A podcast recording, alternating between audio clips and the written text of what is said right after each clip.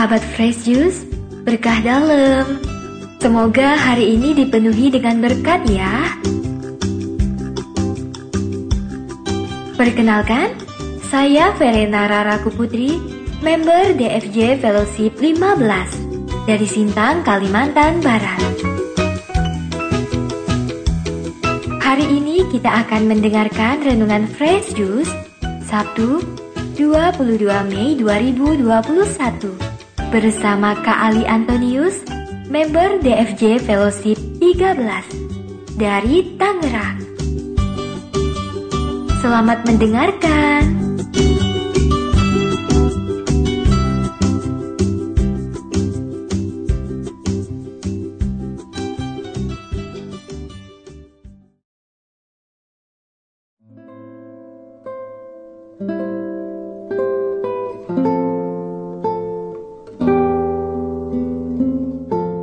Sahabat Fresh Juice, kita bertemu lagi. Saya Ali, member UMK Daily Fresh Juice 13. Saya dari Tangerang. Baik, mari kita siapkan hati untuk meneguk jus segar hari ini yang diambil dari Injil Yohanes pasal 21 ayat 20 sampai dengan 25. Setelah Yesus bangkit, ia berkata kepada Petrus, "Ikutlah aku." Petrus berpaling dan melihat bahwa murid yang dikasihi Yesus sedang mengikuti mereka, yaitu murid yang pada waktu mereka sedang makan bersama duduk dekat Yesus. Dia inilah yang berkata, "Tuhan, siapakah dia yang akan menyerahkan engkau?" Ketika Petrus melihat murid itu, ia berkata kepada Yesus, "Tuhan, apakah yang akan terjadi dengan dia ini?" Jawab Yesus, Jikalau aku menghendaki supaya ia tinggal hidup sampai aku datang, itu bukan urusanmu. Tetapi engkau, ikutlah aku. Maka tersebarlah kabar di antara saudara-saudara itu bahwa murid itu tidak akan mati.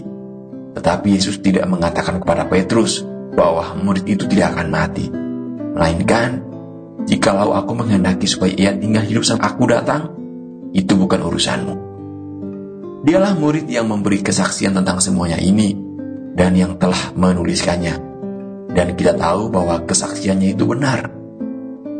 Masih banyak hal-hal lain yang diperbuat oleh Yesus. Tetapi jikalau semuanya itu harus dituliskan satu persatu, maka agaknya dunia ini tidak dapat memuat semua kitab yang harus ditulis itu. Demikianlah Injil Tuhan. Terpujilah Kristus.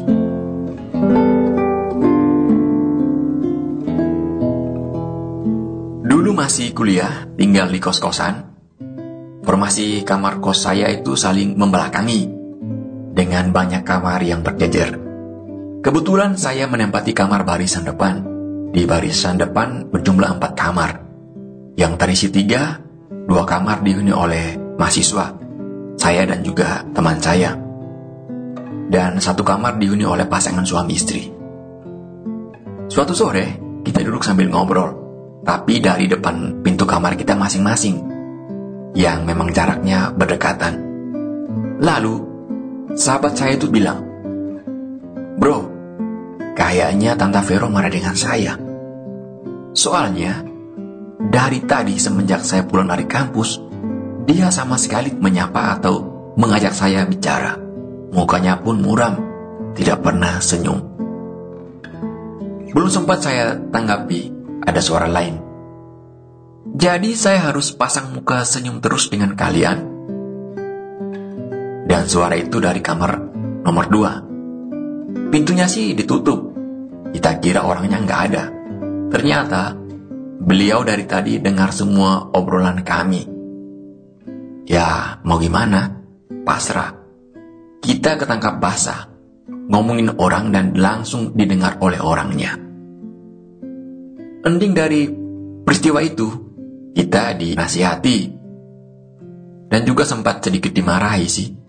Katanya kalau ada yang mau diomongin ya, langsung sama orangnya. Jangan di belakang.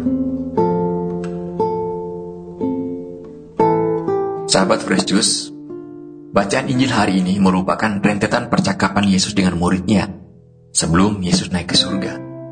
Kita bisa melihat Petrus yang kepo setelah dibormandir pertanyaan oleh Yesus.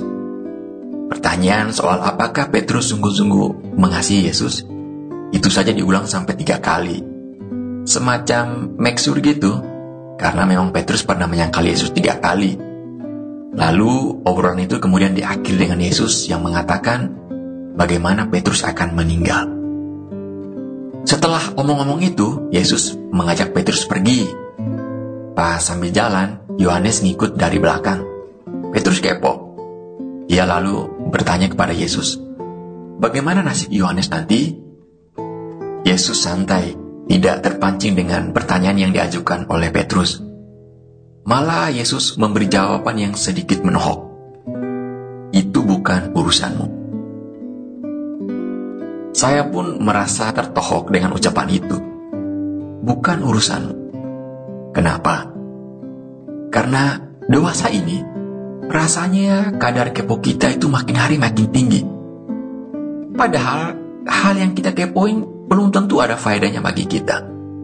Coba lihat, yang viral di YouTube atau di Instagram itu adalah masalah pribadi atau aib orang lain yang diumbar. Itu yang laris viewersnya. Lalu terkadang, jika ada postingan foto pasangan, entah itu artis atau pasangan bukan artis sekalipun, ada aja yang komen, nggak cocok. Nah, saya pernah melihat balasan komen, Hei, Anda siapa? Peramal. Memang zaman internet ini bukan perkara mudah mengontrol jari dan mulut. Menurut saya, ada dua tipe korban yang paling sering dijadikan bahan julid atau gosip. Yang pertama adalah orang yang menonjol prestasinya. Atau yang kedua adalah mereka yang sama sekali tidak berprestasi atau yang menurut pikiran kita, dia itu tidak sefrekuensi dengan kita. Nah, mereka itu adalah materi julid yang paling laku. Dan kadang kita ini agak aneh. Jika kita tidak suka dengan orang lain, kita malah mengajak sahabat atau orang lain juga untuk ikutan tidak suka dengan orang yang kita tidak suka itu. Lalu kita pun juga mungkin kepo, jadi bertanya, kenapa ya kita itu suka dengan urusan orang lain yang lalu berujung kepada entah gosipin, gibahin, atau julitin orang itu. Nah, menurut beberapa referensi dan hati saya juga mengiyakan, jawabannya adalah iri hati. Ini memang sebuah jawaban kebenaran yang sedikit menyakitkan, yang kadang kita nggak mau dengar. Karena sering kali kita lebih suka menerima dusta yang menyenangkan daripada kebenaran yang menyakitkan. Begini, taruhlah contoh, tidak sulit memberikan penguatan, penghiburan kepada orang lain saat ia sedang gagal, entah kehilangan atau terluka, meskipun ia mungkin saja saingan berat kita. Tapi bagaimana rasanya kita merayakan keberhasilan orang lain jika kita sendiri tidak berhasil atau gagal di bidang itu? Ini tidak mudah. Mulut boleh bilang, selamat ya, selamat ya. Hati belum tentu. Nah, itu yang persis dialami oleh Petrus hari ini. Setelah ia diberitahu bagaimana ia akan mati, ia kepo. Guru, itu nasibnya Yohanes bagaimana ya? Apa dia juga akan meninggal dengan cara seperti saya meninggal?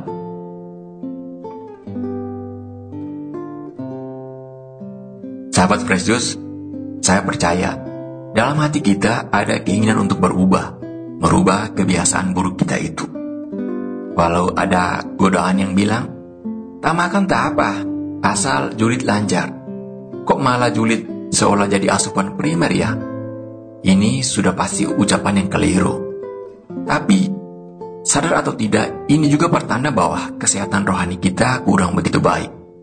Barangkali kita menganggap sepele, toh ini juga bukan dosa berat. Padahal, jika ini terus dibiarkan, ini ibarat sel kanker yang terus menjalar, yang akan bisa merusak hubungan kita dengan sesama, bahkan dengan Tuhan. Lalu apa yang bisa kita ambil belajar dari obrolan Yesus dengan Petrus hari ini? Nah, menurut saya ada dua cara. Yang pertama adalah dari sisi kita pribadi sebagai manusia. Ayolah berhenti membandingkan diri dengan orang lain, lalu akui dosa-dosa kita, Kadang sebuah kejujuran atas kesalahan diri sendiri justru membawa kita kepada sebuah jalan pertobatan. Kemudian kita bisa copy paste kata-kata Yesus di atas, lalu install di kepala kita. Kata-kata seperti, itu bukan urusanmu, atau itu bukan urusanku. Jika kita diajak untuk julitin, gosipin, atau gibahin orang lain. Cara yang kedua adalah, mintalah bantuan. Berdoa kepada roh kudus. Minta karunia roh kudus. Besok adalah Pentakosta. Kita bisa sama-sama berdoa, meniru apa yang dilakukan oleh Bunda Maria dan para rasul. Mereka menanti turunnya roh kudus. Jadi, bolehlah kita minta kepadanya karunia roh kudus. Kan ada sembilan itu. Misalnya kita minta salah satunya adalah karunia hikmat. Dengan berharap kita bisa memperoleh buah-buahnya. Pengendalian diri misalnya. Karena saya yakin selama ini kita jarang terpikirkan untuk minta karunia roh kudus. Yang kita minta umumnya hal-hal yang sifatnya jasmani. Ini juga bukan berarti saya bilang bahwa yang jasmani itu tidak baik. Bukan. Tapi kita kan tahu tubuh kita terdiri dari rohani dan jasmani. Kalau tubuh saja yang diberi makan lalu rohnya disuruh diet, pasti akan ganggu kesehatan rohani kita. Karena tubuh kita adalah bait roh kudus. Tidak ada bait yang diciptakan lalu tidak ingin ditinggal. Amin. Kemuliaan kepada Bapa dan Putra dan Roh Kudus, seperti pada permulaan, sekarang, selalu dan sepanjang segala abad. Amin.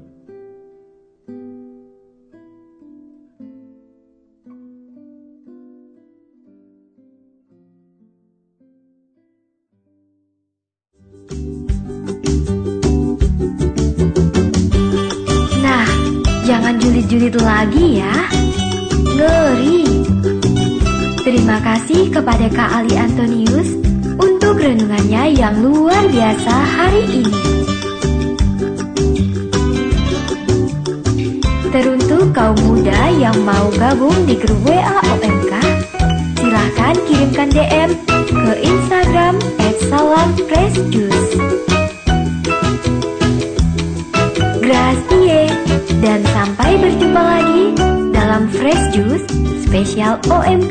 Berikutnya.